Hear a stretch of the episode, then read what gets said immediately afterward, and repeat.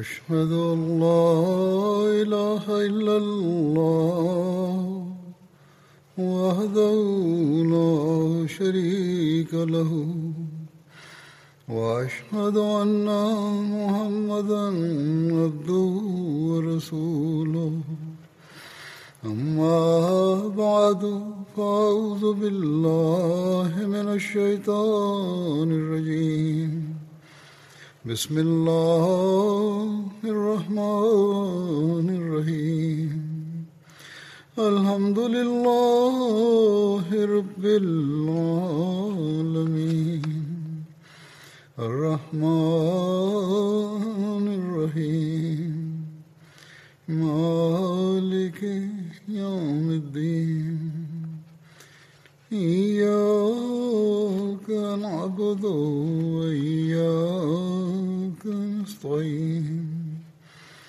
اهدنا الصراط المستقيم صراط الذين أنعمت عليهم غير المغضوب عليهم ولا الضالين Bismillahirrahmanirrahim, Hazreti Halifatul Mesih, da Allah bude njegov pomagač, je rekao Govorio sam o životu Hazreti Osmana i borbama u kojima je učestvovao. Jedna od ekspedicija je bila zator Rika. Časni poslanik sallallahu alejhi ve je krenuo prema Benu Gatfan, ogranku plemena Benus e, Salba i plemenu Benu Muharib u Nađad sa armijom od 400 ashaba ili prema drugom hadisu se prenosi da je bilo 700 ashaba. Časni poslanik sallallahu alejhi ve je postavio Hazreti Osmana radijallahu anhu kao emira Medine, gdje prema drugom hadisu se prenosi da je časni poslanik sallallahu alejhi ve postavio Ebu Zar Gafari i kao, kao emira. Časni poslanik sallallahu alejhi ve sellem je stigao u mjesto Nahal kod uh, koji se također zvalo Zator Rika.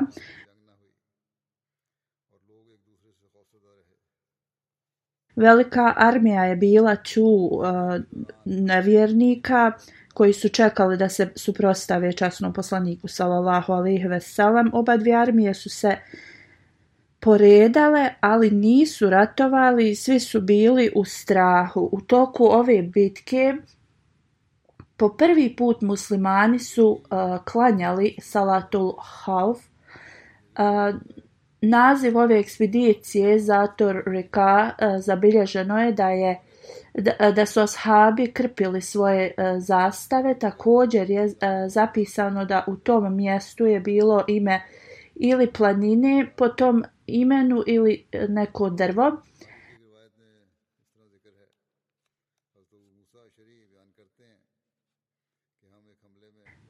Hadis iz Buharija prenosi Musa Ašari radijalahu anhu krenuli smo sa časnim poslanikom salallahu alaihi veselam u ovu borbu.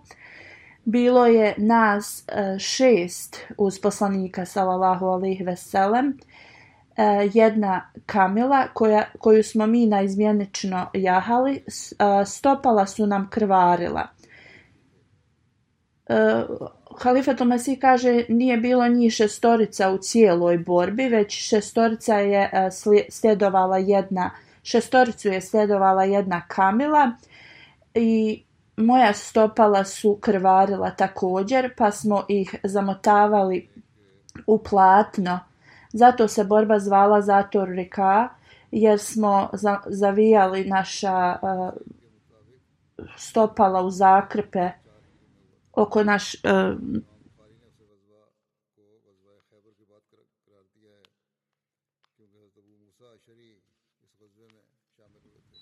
zakrpe su zavijali oko stopala.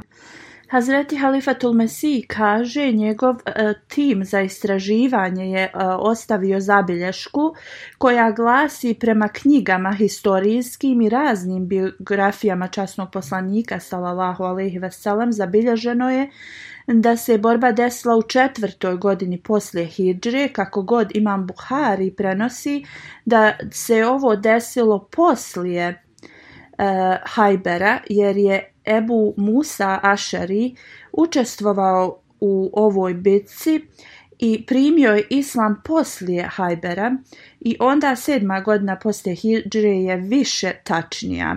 U vezi osvajanja Meke koje se desilo u osmoj poslije Hidžre u Sunan Anisai e, nalazimo hadis o osobama za koje je časni poslanik sallallahu alejhi ve sellem dao e, smrtnu kaznu, Hazreti Musa bin Saad prenosi od svog oca na dan osvajanja Mekije. časni poslanik sallallahu alejhi ve sellem je oprostio svima osim četvorci e, ljudi i dvije žene. Poslanik sallallahu alejhi ve sellem je rekao: "Ubijte ove četiri osobe čak i ako ih nađete da se drže za ogrtač Kabe." To su bili Ikrama bin Ebu Džehel, Abdullah bin Hatal, Bukiz bin Sababa, Abdullah bin Saad bin Sar. Kad je Abdullah bin Hatal bio okružen, držao se za prekrivač od Kabe, Hazreti Amar bin Jasir i Sad bin Hunais su požurili prema njemu i Hazreti Sad ga je ubio. Mukiz je uhvaćen na trgu i ljudi su ga ubili tu. Ikrama je pobjegao prema obali, ljudi koji su uh, bježali prema moru, e, tada ih je zateklo neko nevrijeme. Ljudi na tom uh, brodu rekli su budite iskreni jer vaši bogovi vas neće moći pomoći ovdje. Kad je čuo ovo Ikrema e, rekao je tako mi Allaha istina iskreno će me jedino spasiti na moru, a i na obali. O Allahu, ja iskreno ti dajem obećanje, ako me sačuvaš od ovog nevremena, otiću kod Muhameda sallallahu alejhi ve sellem i stavit ću svoju ruku u njegovu siguran sam da će mi on oprostiti. Poslije ovoga se je vratio i prihvatio je islam. Više poznati hadis je da, je da ga je njegova žena stigla prije nego što je se ukrcao na brod i ona ga je ubijedila da se vrati spominjući ovaj e, Hazur kaže spomenući ovaj hadis poslije i ovaj hadis je iz e, Sunan Nisai. Što se tiče Abdullaha bin Sar, on je tražio zaštitu od Hazreti Osmana radijallahu anhu. Kada je časni poslanik sallallahu alejhi ve sellem poslao ljude da, ga, e, da, da daju zakletvu, Hazreti Osman je rekao o Allahov poslaniće prihvati zakletvu od Abdullaha. Časni poslanik sallallahu alejhi ve sellem ga je pogledao tri puta i odbijao je ovaj njegov zahtjev.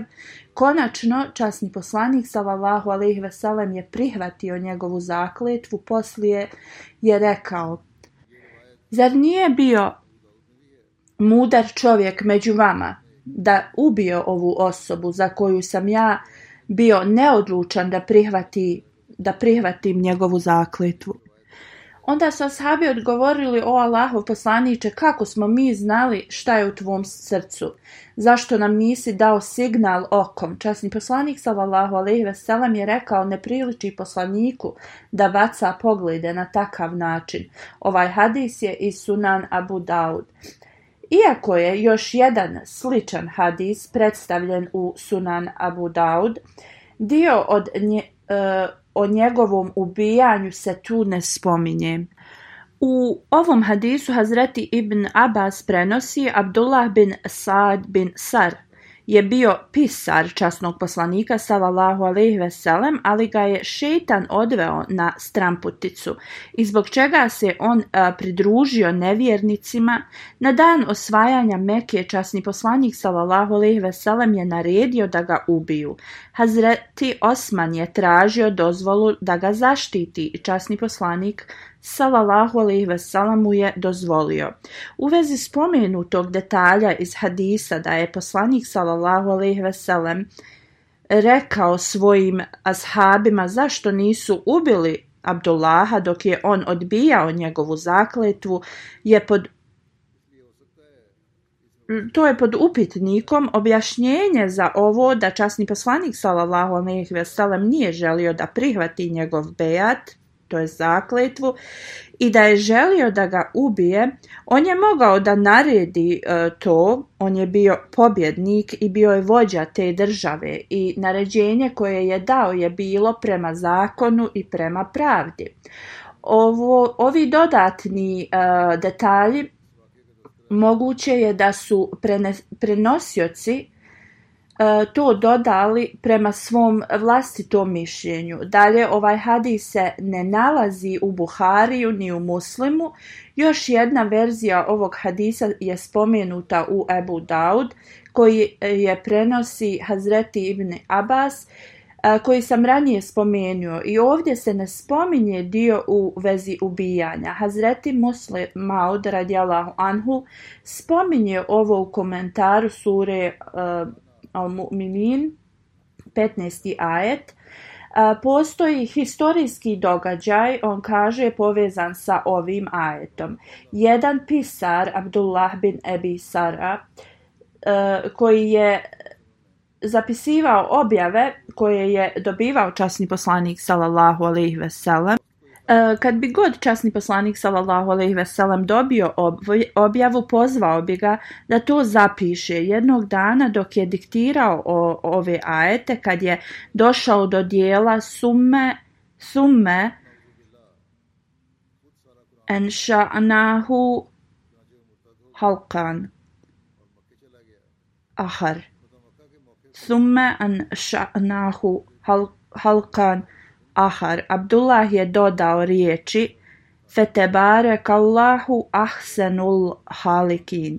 Časni poslanik sallallahu alejhi ve je rekao to je upravo kako je objava glasila i da to zapiše. Ova zla osoba nije mislila da su to riječi bile prirodne poslije izgovorenih prijašnjih riječi Abdullah je pomislio kada su već riječi koje je on izgovorio bile primljene od časnog poslanika sallallahu alaihi veselam jer su bile iste kao objava, on je mislio da je Bože sačuvaj časni poslanik sallallahu alaihi veselam izmišljao riječi Kur'ana i onda je on ostavio vjeru i vratio se u Meku. Na osvajanju Meki Abdullah bin Ebi Sarh je bio jedan od onih koji su dobili smrtnu kaznu.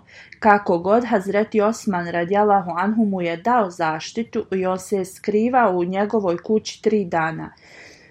Na dan kad je časni poslanik sallallahu alejhi ve sellem uzimao bejat, Hazreti Osman ga je doveo kod poslanika sallallahu alejhi ve sellem i tražio od časnog poslanika sallallahu alejhi ve sellem da primi njegov bejat ponovo. Časni poslanik sallallahu alejhi ve sellem se prvo dvoumio, ali je poslije prihvatio njegov bejat. Abdullah je prihvatio islam ponovo.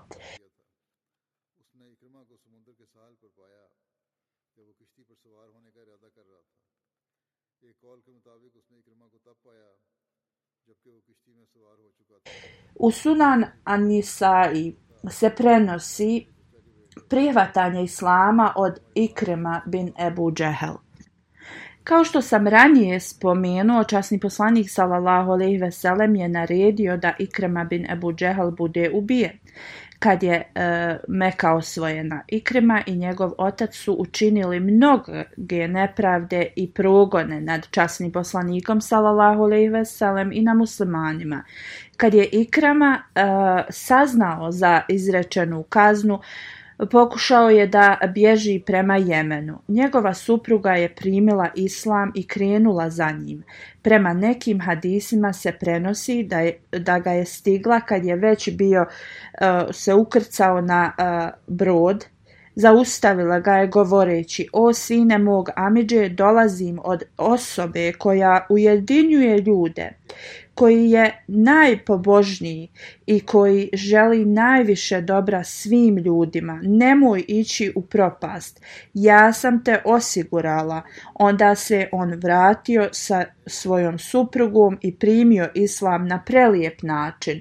Prema jednom hadisu kad je Ikrema došao kod poslanika sallallahu alejhi ve sellem rekao je: o Muhammede, salallahu alaihi veselam, moja supruga mi je rekla da si mi oprostio. Časni poslanik, salallahu alaihi veselam, je rekao, rekao si istinu, zaista ti je oprošteno. Onda je Ikrima rekao, svjedočim da niko nije ravan obožavanju osim Allah i svjedočim da si ti njegov sluga i poslanik. Ispustio je svoju glavu od stida.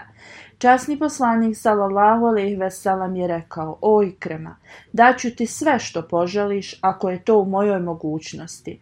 On je rekao: "Moli se da mi bude oprošteno za sva zla koja sam ti nanio." Časni poslanik sallallahu alejhi ve sellem se molio Allahu Rekao je, Allahu moj, oprosti ikrema za sva zla koja je prema meni uradio ili oprosti ikrema za sva njegova loša djela. Onda je časni poslanik sallallahu ve veselem ustao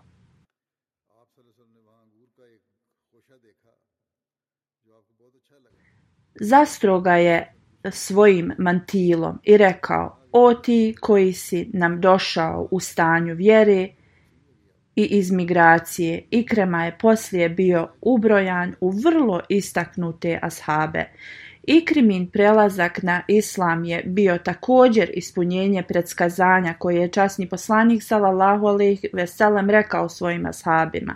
Jednom je sanjao da je u dženetu i vidio je dosta grožđa koje je bilo lijepo. Časni poslanik sallallahu alejhi ve je pitao za koga je ovo grožđe. Rečeno mu je za Ebu Džehela, ovoga je puno zabrinulo. Časni poslanik sallallahu alejhi ve je rekao: Niko neće ući u džennet osim vjernika, onda kako je ovo za Ebu Džehala?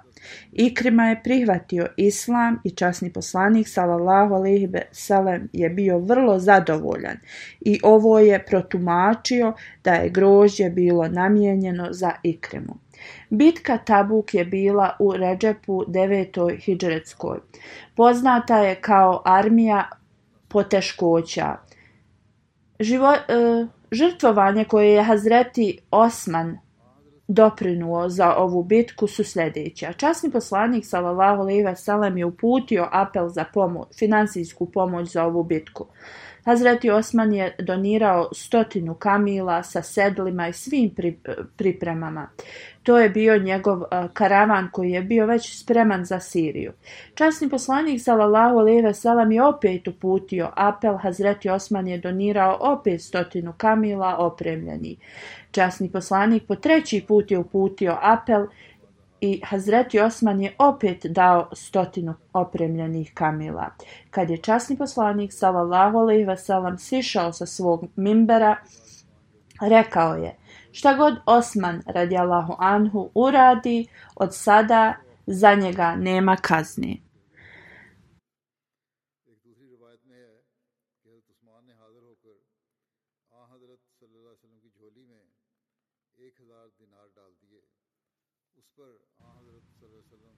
Osim ovog Hazreti Osman je dao dvije stotine okija zlata časnom poslaniku sallallahu alejhi veselem. Prema drugom hadisu se prenosi da je Hazreti Osman donirao hiljadu dinara i stavio u poslanikovo sallallahu alejhi ve krilo. Časni poslanik sallallahu alejhi je stavio ruku na te novčanice i dok ih je pomjerao rekao je: "Nema kazne za Osmana šta god uradio od sada Prema još jednom hadisu, Hazreti Osman je dao 10.000 dinara i časni poslanik sallallahu alejhi ve sellem se molio O Osmane, neka ti Allah podari njegov oprost za sve što si uradio u tajnosti i javnosti i šta god budeš radio do sudnjeg dana, od danas nemaš brige.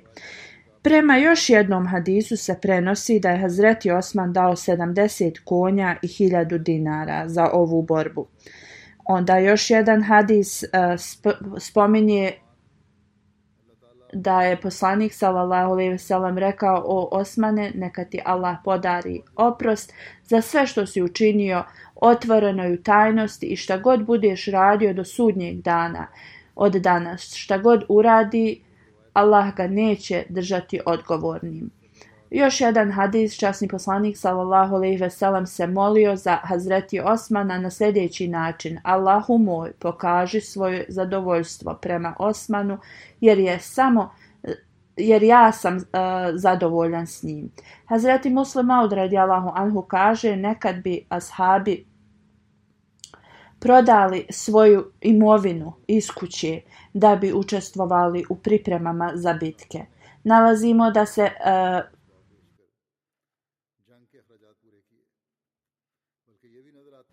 da su prodavali sve da bi pomogli drugima. Na primjer, jednom je časni poslanik sallallahu alejhi ve sellem izašao i rekao: Naša armija kreće u ekspediciju ali vjernici nemaju ništa. Da li ima iko od vas ko želi da zaradi dobro djelo? Hazreti Osman je odmah ustao i dao šta god je, je zaradio e, tog dana za muslimane. Časni poslanik sallallahu alaihi wasalam je rekao: Osman je kupio džennet. Slično u, jed, jednom je jedan bunar bio na prodaju i tad su muslimani prolazili kroz težak period zbog nedostatka vode. Časni poslanik sallallahu alejhi ve sellem je rekao: "Da li ima iko ko želi da zaradi dobro djelo?" Hazreti Osman radi anhu je rekao: Allahov poslaniče ja sam prisutan i na raspolaganju. Poslije je Hazreti Osman radli Allahu Anhu kupio ovaj bunar i dodijelio ga muslimanima. Opet časni poslanik sallallahu alaihi veselam je rekao, Osman je kupio džennet. Slično još jednom je časni poslanik sallallahu alejhi veselam koristio iste riječi i ukratko Tri puta poslanik sallallahu alejhi ve sellem je rekao u vezi Osmana radijallahu anhu da je on kupio džennet. Hazreti Muslima od radijallahu anhu kaže mnogo puta časni poslanik sallallahu alejhi ve sellem je rekao da je Hazreti Osman kupio džennet. Na ugovoru na Hudejbi časni poslanik sallallahu alejhi ve sellem je uzimao bejat zakletvu od svojih ashaba E, tad Hazreti Osman nije bio prisutan, ali časni poslanik Salalahu alih veselam je stavio svoju drugu ruku umjesto Hazreti Osmanove ruke. Na ovaj način časni poslanik Salalahu ruka časnog poslanika Salalahu alih je bila ruka Hazreti Osmana radi anhu. E, na drugim mjestima časni poslanik Salalahu alih je rekao o Osmane, Allah će ti podariti ogrtač. Ljudi će pokušati da ti skinu taj ogrtač, ali nemoj da ga skidaš. Hazreti Muslim Maud Allahu anhu govori da je časni poslanik sallallahu alejhi ve sellem rekao Hazreti Osmanu da ne skida ovaj ogrtač i oni koji budu željeli da ga skinu da skinu taj njegov ogrtač, to su licemjeri. Iz ovoga je jasno da oni koji su bili protiv Hazreti Osmana radijalahu anhu su bili licemjeri. Hazreti Halifatul Mesih III. Rahimullah je spomenuo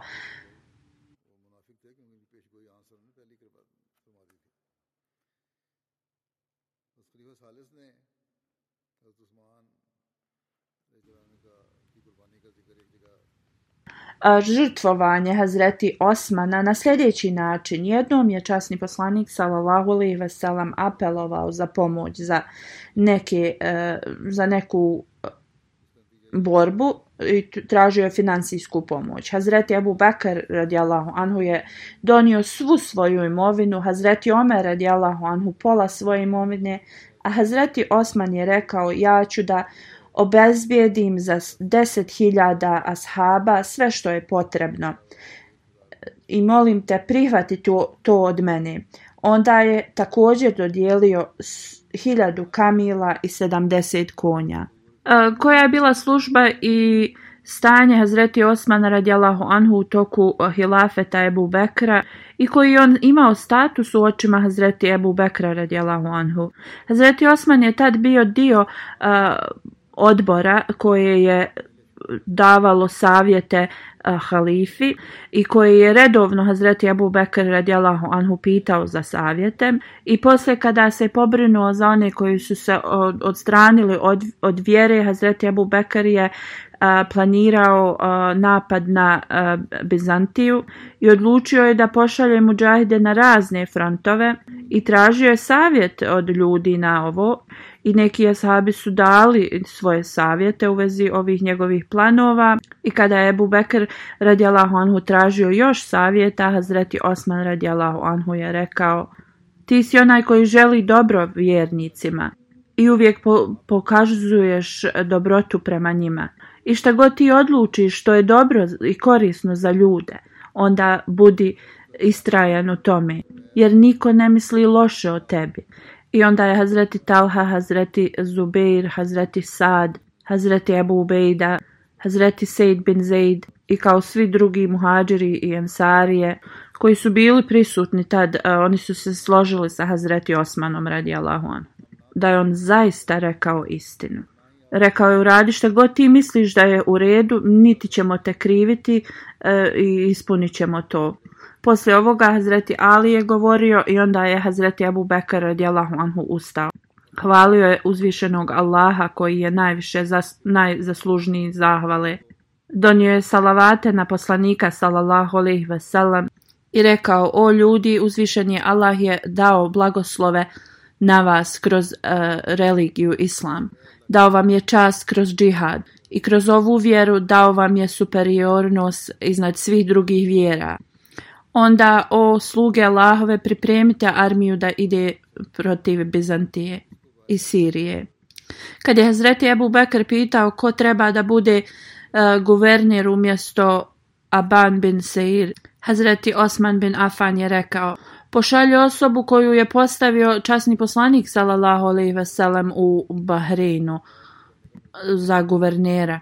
Ta osoba je bila uh, osoba koja je uh, pomogla tim ljudima da prihvate islam i budu uh, poslušni. On dobro poznaje te ljude i to mjesto. A to je bilo, bio alabin bin Hadrami. I Ebu Bekr radijala Hanhu se složio s ovim i postavio je Alabin bin Hadrami za guvernira Bahreina. Hazreti Ibni Abbas radijalahu anhu prenosi da u toku uh, vremena Hazreti Abu Bekra radijalahu anhu u toku njegovog hilafeta i bila je velika suša i nestašica hrane. Ljudi su došli i rekli nema uopšte kiše i ništa uh, kao ne uspijeva i da ljudi prolaze kroz razne uh, poteškoće. Hazreti Abu Bekra radijalahu anhu je rekao vratite se i budite e, budite strpljivi, Allah e, Đalešanu će da to otkloni od vas do večeras. Tada je karavan od e, Hazreti Osmana radjala Anhu koji je imao stotinu kamila došao iz Sirije u Medinu. Kad su ovo ljudi čuli, došli su ispred kuće Hazreti Osmana. Hazreti Osman radijalahu Anhu je izašao i pitao šta oni žele oni su rekli e, ti, si, ti znaš da, da je nestašica i, i da je suša i da, da je nedostatak hrane. Oni su rekli mi smo čuli da ti si, e, da, da si donio žitarice i ako nam ih prodaš mi ćemo to da podijelimo siromašnim. Hazreti Osman je rekao u redu, uđite i e, kad su oni ušli vidjeli su e, da, da ima dosta e, žitarica. Hazreti Osman je upitao koliko ćete mi dati profita za sve ovo što sam donio iz Sirije. Oni su rekli da ćemo ti 12 za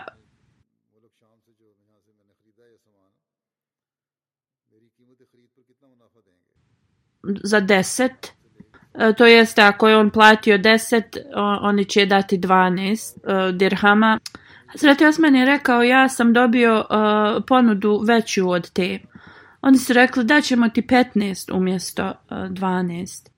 Hazreti Osman je rekao ja, ja sam dobio bolju ponudu i od toga. Oni su rekli o Omere, o, Osman, ne postoji drugi e, kupci u Medini osim nas. Ko ti onda daje više od ovoga? Hazreti Osman radijalahu anhu je rekao Allah mi daje uzvišeni Allah mi daje deset dirhama za moj jedan. To znači deset puta višu nagradu. Da li vi meni možete dati više od ovoga?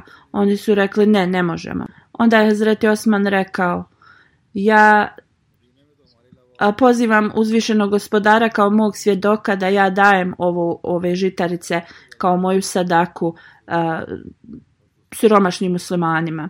On je to sve dao siromašnim i nije tražio ništa. Hazreti Ibni Abbas prenosi kad se ovo desilo, kad je on dao ovo kao sadaku, sanjao sam časnog poslanika salalahu alih veselem jahao je neku vel, velikog konja i bio je prelijepo obučen, obasjan svjetlošću. Njegove e, cipele su bile svijetle i također je u ruci imao e, kao štab koji je osvjetlio. Izgledalo je kao da je bio u nekoj žurbi i upitao sam ga o Allah poslaniče, ja sam želio da razgovaram s tobom, ali ti izgledaš kao da si u žurbi. Gdje ideš?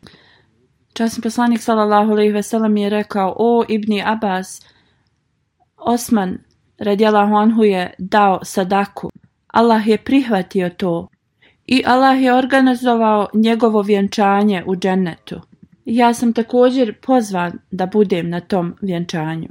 Također ću da predstavim nekoliko E, detalja u vezi statusa Hazreti Osmana radijalahu anhu u toku hilafeta Hazreti Omera radijalahu anhu. Kada je Hazreti Omer radijalahu anhu bio izabran za halifu, on je tražio savjete od uh, ashaba, istaknutih ashaba u vezi e, davanja iz državnog budžeta. Hazreti Osman mu je rekao učini ga korisnim i također nešto i nama daj. Drugim riječima da treba da to koristi i za sebe i za pomoć drugih ljudi.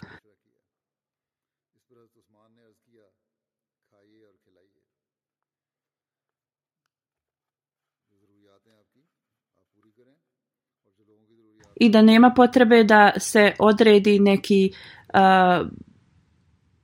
iznos kada se islamska država počela da širi također prihodi e, su počeli da rastu, onda je Hazreti Omer također tražio savjet od ashaba. Hazreti Osman je rekao ja smatram da e, se muslimansko bogatstvo povećalo i da je dovoljno za ljude. I ako mi ne budemo imali zapis onih kojima je data pomoći, onima koje nije, bojim se da ćemo e, doći u vrlo e, loše stanje. To jeste neki ljudi mogu da dođu po dva put i rekao je da treba da se jednostavno uspostavi sistem zabilješke.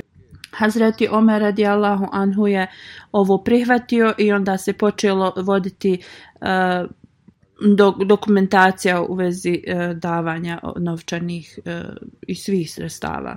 I poslije ovoga ljudi su počeli da redovno dobijaju e, njihov dio, također uvijek dokumentovan. Što se tiče Hazreti Osmanovog hilafeta, postoji predskazanje poslanika sallallahu alejhi ve sellem.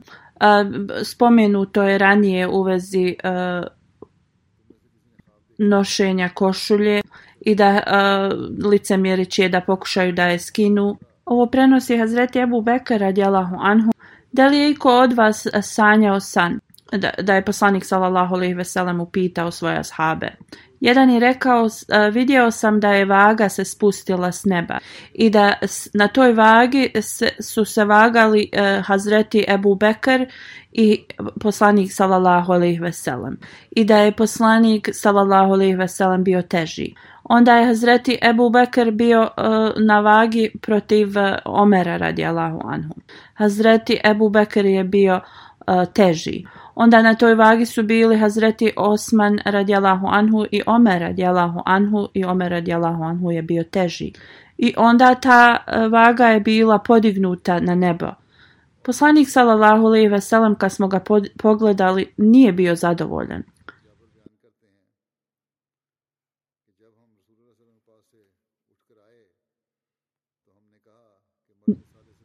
Drugi hadis e, je e, Hazreti Džabir bin Abdullah prenosi e, da je neko sanjao da je Hazreti Ebu Bekr bio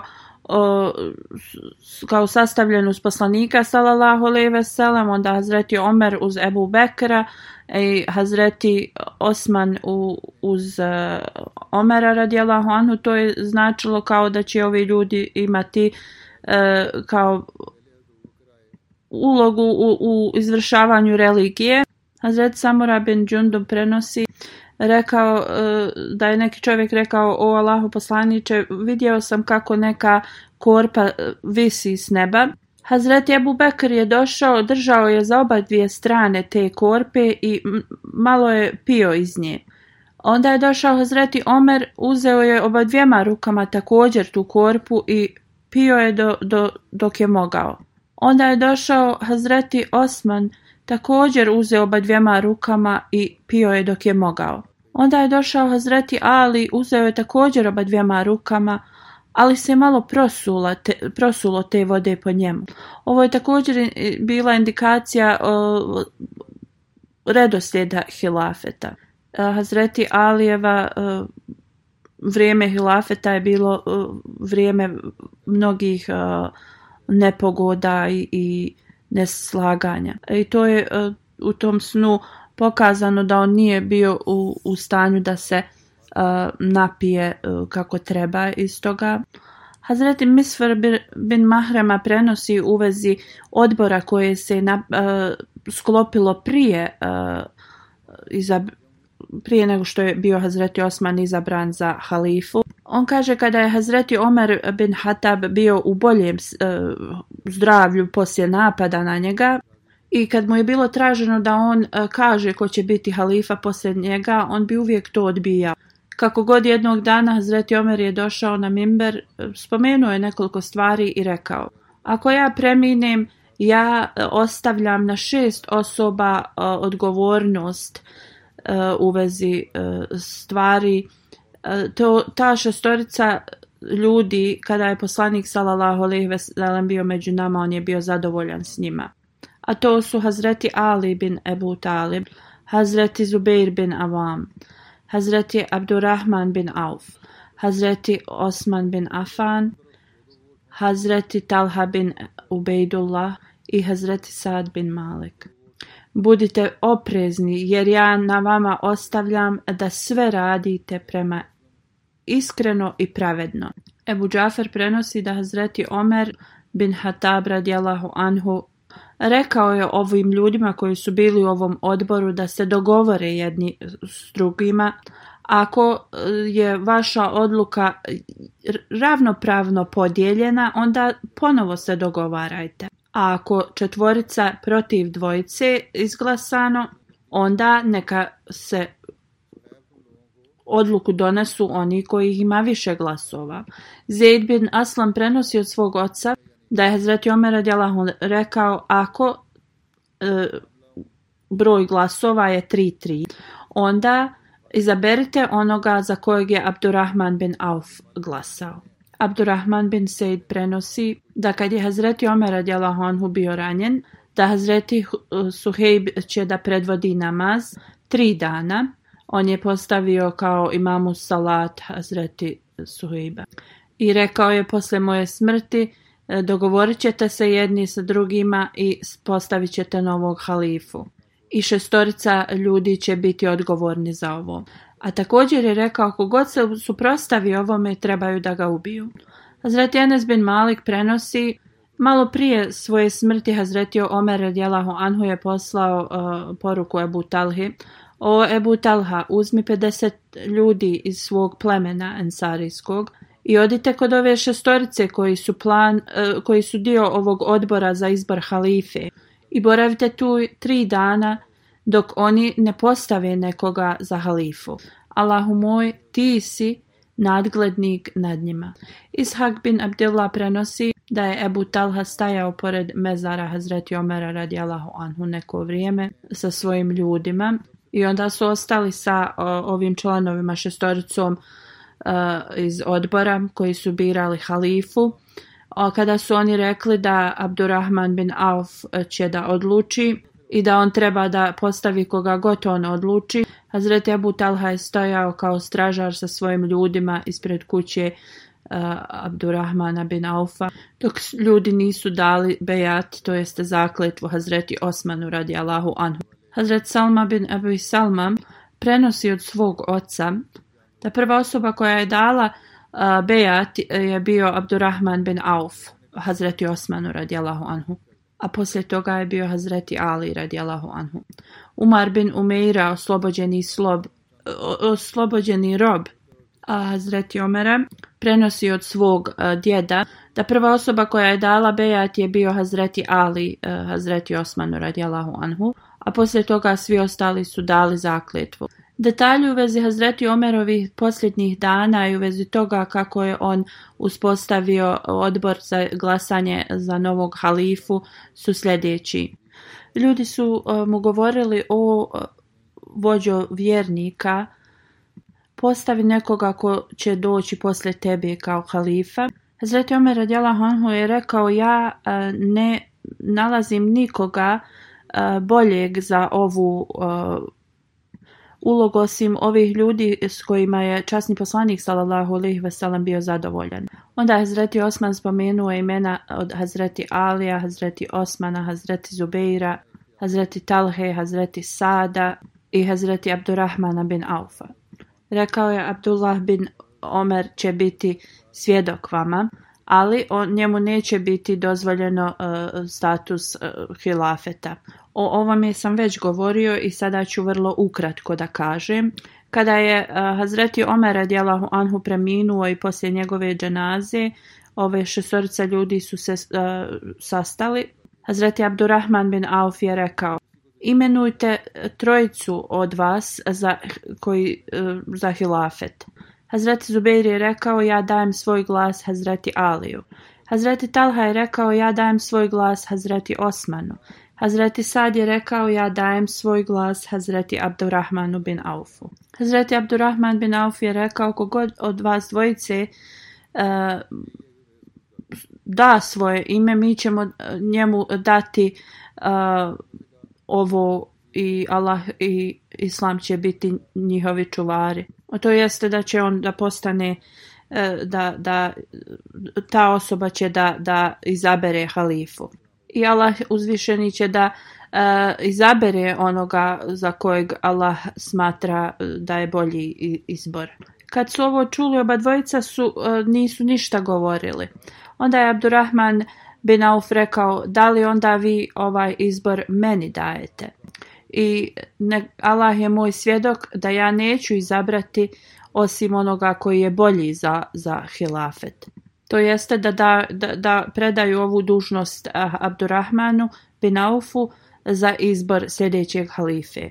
Jer je on prvo pitao jedan od njih dvojice da, da eh, kažu, eh, daju svoje ime, da oni budu glavni za izbor halife, pošto oni nisu htjeli.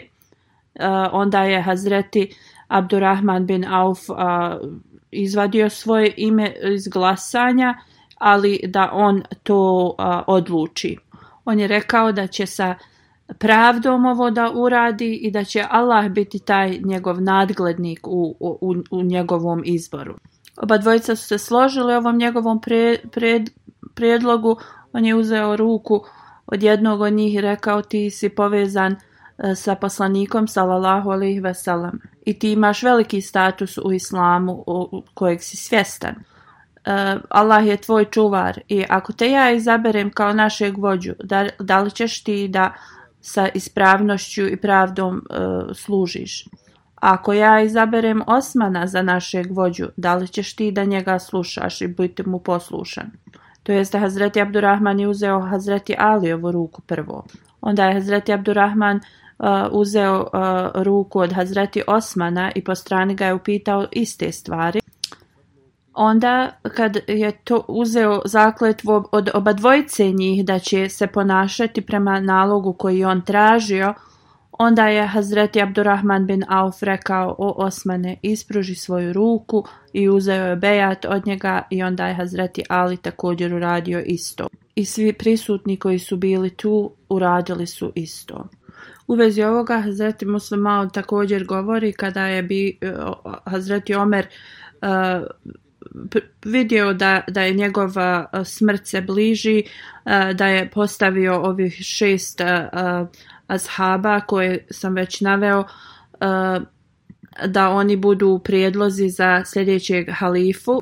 A, također Abdullah bin Omer je bio kao savjetnik u ovome, ali da on nije mogao da nosi titulu hilafeta i također im je rekao da u vezi tri, e, u, roku od tri dana e, izglasaju novog halifu i postavio je imama e, za, da predvodi salat, da predvodi namaz.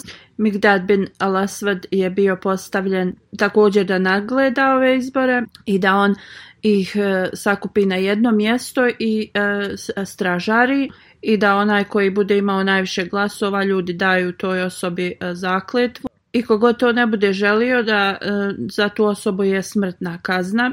Ako budu e, jednaki glasovi, onda Abdullah bin Omer da izabere ko će biti sljedeći halifa. I ako se ljudi ne slože ovom prijedlogu koji da Abdullah bin Omer, onda koga izabere Abdullah bin Auf da ta osoba bude izabrana za halifu. U stvari Abdurrahman bin Auf. E, I pošto tada Talha nije bio u Medini, ova petorica su se dogovarali, ali nisu mogli to da, da izglasaju. Onda je bilo pitanje postavljeno da li ko želi da svoje ime skloni s liste za izbor halife. Svi su tada bili šutjeli su i onda je Abdurrahman bin Auf eh, rekao da on sklanja svoje ime. Onda je eh, Osman eh, radijalahu anhu također uradio isto i još dvojica su to uradili. Hazreti Ali je nije ništa rekao, ali je dao zakletvu Abdurrahmanu bin Aufu da daje svoj, svoj svoju riječ da šta god on odluči da će on biti poslušan s, tim. Tri dana Zreti Abdurrahman bin Auf je posjećivao kuće u Medini porodice i pitao za koga bi oni glasali. Svi su se složili e, za Hazreti Osmana, radi Allahu an. I onda je dao svoju odluku e, da Hazreti Osman bude halifa sljedeći. Alama ibn Sad prenosi 29. Zulhidža e, dan e, ponedjeljak e, taj bejat se e, desio u 23. poslije Hidžre. saber, prenosi kad je um, Osman radjala Hanhu postao halifa. Hazreti Abdullah bin Masud je rekao od nas koji smo još prisutni ovdje izabrali smo najbolju osobu i trebamo da radimo sve E, ispravno. A prvi govor koji je Hazreti Osman radijalahu anhu održao e, kada je bio izabran za halifu. Ismail bin Ibrahim bin Abdurrahman bin Abdullah bin Abi Rabija Mohsami prenosi od svog oca da kada su dali bejat Hazreti Osmanu, on je došao ispred ljudi i održao je govor. Poslije, e, prvo je hvalio uzvišenog Allaha, Hazreti Osman je rekao, o ljudi, kad radimo nešto po prvi put, može biti vrlo e, teško. Doći će mnogi dani poslije ovoga. Ako Bog da, ako budem živ, održat ću bolji govor ispred vas. Drugim riječima, on je se samo obratio vrlo kratko ispred njih. Hazreti Osman je rekao, ja nisam dobar govornik, ali uzvišeni Allah će me tome podučiti. Badr bin prenosi od svog Amidže E, kaže kada su dali bejat ovi koji su bili u odboru Hazreti Osmanu i kada je on izašao među e, ljude, on je bio najviše predvladan od svih njih emocijama. I on kaže da je Hazreti Osman radijala Honhu ustao na, e, odšao na mimber poslanika sallallahu alaihi veselem i održao govor da je prvo hvalio uzvišenog Allaha, donio salavate na poslanika sallallahu alaihi veselem rekao zaista mi smo svi e, na, na istom mjestu s kojeg ćemo jednog dana da odemo i radite što, što više dobrih dijela prije nego što odete s ovog svijeta. Zaista e, smrt je neizbježiva, nevje, neprijatelji mogu da napadnu uvijek. Zapamtite, e, život na ovom svijetu je ispunjen zabludama i nemojte da vas te zablude e, prevare, niti da vas šetan zaustavi da ispunjavate dužnosti prema Allahu.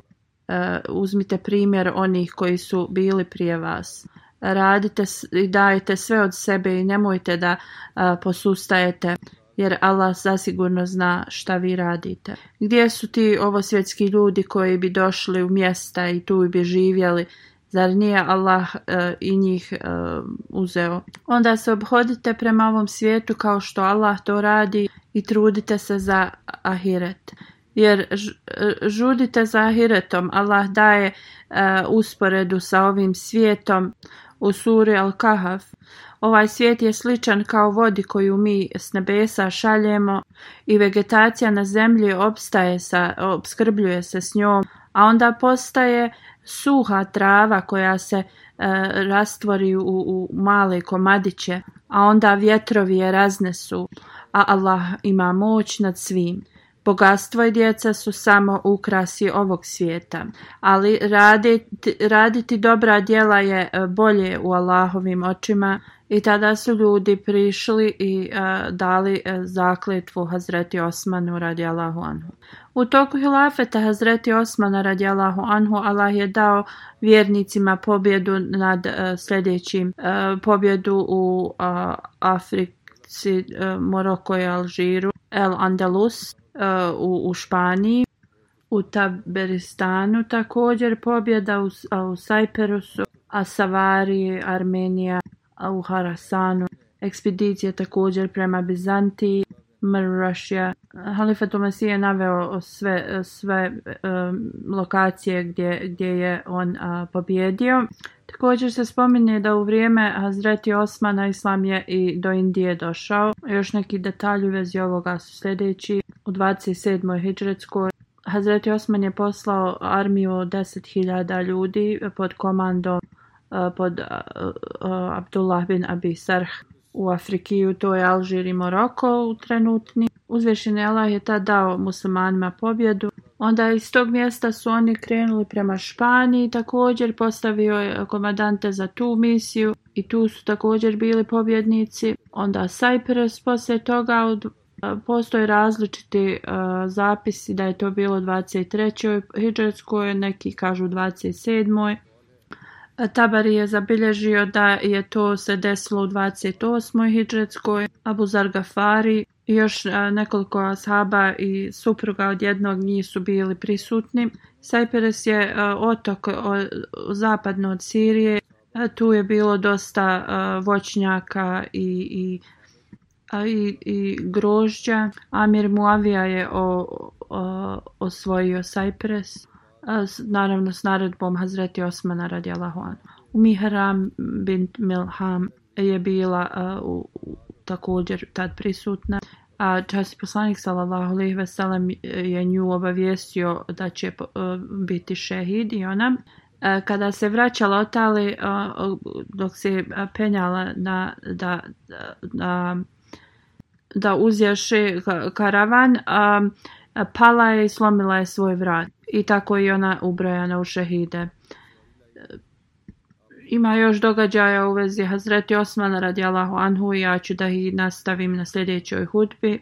Hazreti Halifatul Masih kaže želim da spomenem da se nastavite moliti za Ahmedije u Pakistanu, da uzvišeni Allah popravi njihove, njihovu situaciju da Allah uzvišeni podari njima da se mole, da, da se reformišu, da oni uspostave još jaču vezu u, sa Allahom Đalašanhu, da uzvišeni Allah brzo otkloni ove ta, teške, teška vremena od njih i, i donese blagoslove. Da možemo da vidimo Ahmedi koji žive tu da jednostavno mogu da ispunjavaju svoje religijske dužnosti E, sa punom slobodom.